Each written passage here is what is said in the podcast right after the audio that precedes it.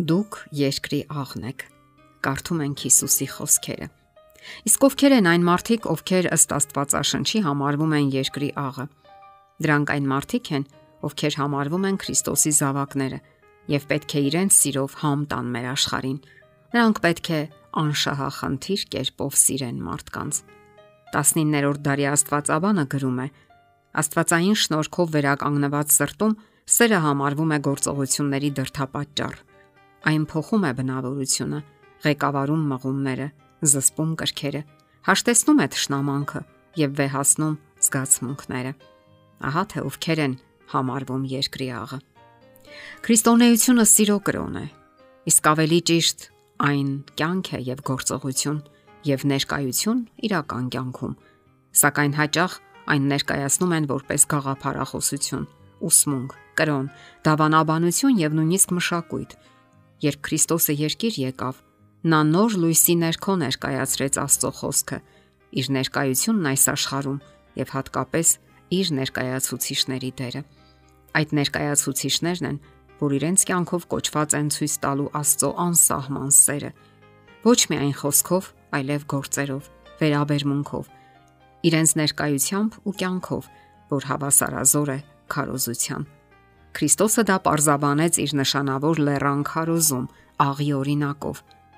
Ինչպես գիտենք, աղը գնահատվում է իր պահպանող եւ վնասազերծող հատկությունների, ինչպես նաեւ համային որակների շնորհիվ։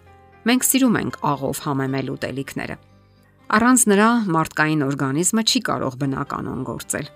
Երբ Աստված իր ворթիներին ասում է՝ «Դուք աղ եք», սովորեցնում է, որ նրանք իր շնորհով լցված գործիչներ են, որ պետք է փրկեն մարդկանց։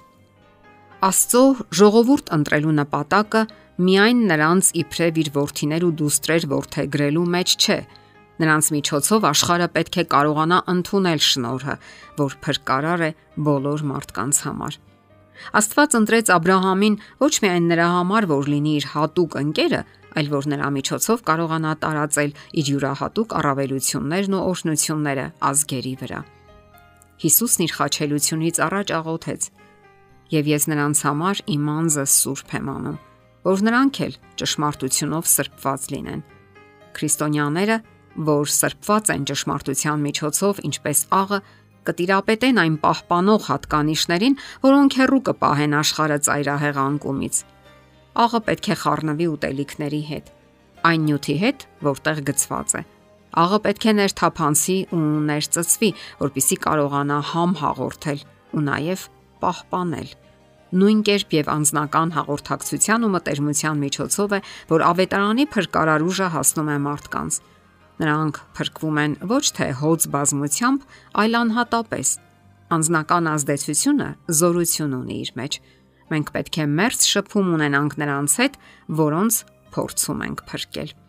Աղի համը ներկայացնում է քրիստոնյայի կենսական ուժը, որը Քրիստոսի արդարությամբ ու Հիսուսի սիրով լի կյանքն է։ Եթե այն բնակվում է մեր մեջ, ուրիշներին էլ կարող ենք տալ։ Մենք կարող ենք մտերմանալ մարդկանց հետ, այնքան, մինչև նրանց սրտերը ջերմանան մեր անշահախնդիր հոգատարությամբ ու սիրով։ Անկեղծ հավատացյալները իրեն շուրջը տարածում են կենսական ուժ, որը նոր բարոյական ուժ է հաղորդում այն մարդկանց, որոնց հետ նրանք աշխատում են։ Այդ վերափոխող աշխատանքը կատարվում է ոչ թե մարդկային ուժով, այլ Սուրբ Հոգու զորությամբ։ Երբ Հիսուսը խոսում էր քրիստոնյաների մասին, այսպիսի հանդիսավոր նախազգուշացում տվեց. Եթե աղն անհամանա, ինչով կաղանվի, այլևս ոչնչի պետք չէ, միայն թե դուրս գծվի եւ մարդկանցից ոտնակող լինի։ Դա հստակ ներկայացնում էր փարիսեցիների վիճակն ու նրանց կրոնի ներգործությունը հասարակության վրա։ Դա ներկայացնում է յուրաքանչյուր մարդու կյանքը, ումից հեռացել է Աստծո շնորհի ուժը եւ ով դարձել է սառը եւ Քրիստոսից հեռացած։ Ինչպիսին էլ լինի նրա դավանանքը։ Այդպիսի մարդուն հրեշտակներն ու մարդիկ համարում են անտարբեր ու անկենթան։ Այդպիսիների համար Քրիստոսն ասում է. Օ, եթե ցուրտ լինեիր կամ տակ, ուրեմն, որովհետև գաղջ ես եւ ոչ տակ եւ ոչ ցուրտ, քեզ պիտի փսխեմ իմ բերանից։ Իսկ Պողոսն ավելի մանրամասն է ներկայացնում սիրո էությունը։ Եթե մարդկանց ու հրեշտակների լեզուներով խոսեմ, բայց սեր չունենամ, ես եղած ձայն հանող պղինձ կամ հնչեցող ծնցղա։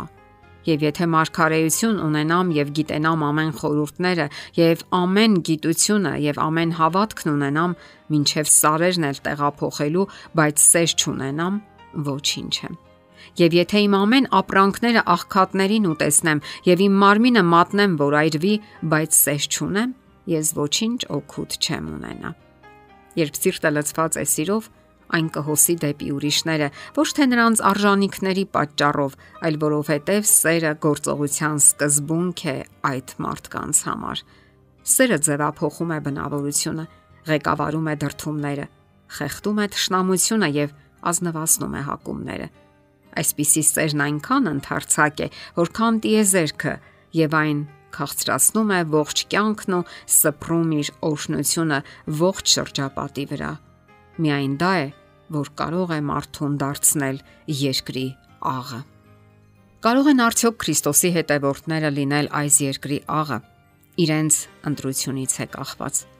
Դա լավագույն վկայությունը կլինի այն բանի, որ իրենք Քրիստոսի հետևորդներն են, որովհետև շատ մարդկանց համար գայթակղություն են այսպես կոչված վայ քրիստոնյաները։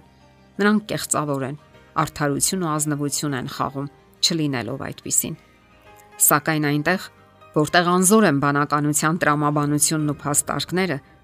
Քրիստոսի սերը դրսևորվելով եւ բացվելով մարդուն Աստծո խոսքի բամբերի անznական շփման միջոցով այնուամենայնիվ կարող է փապկեսնել քարացած սիրտը։ Եթերում ղողանջ հավերժության հաղորդաշարներ։ Ձեզ հետ է գեղեցիկ Մարտիրոսյանը։ Հարցերի եւ առաջարկությունների համար զանգահարել 033 87 87 87 հեռախոսահամարով։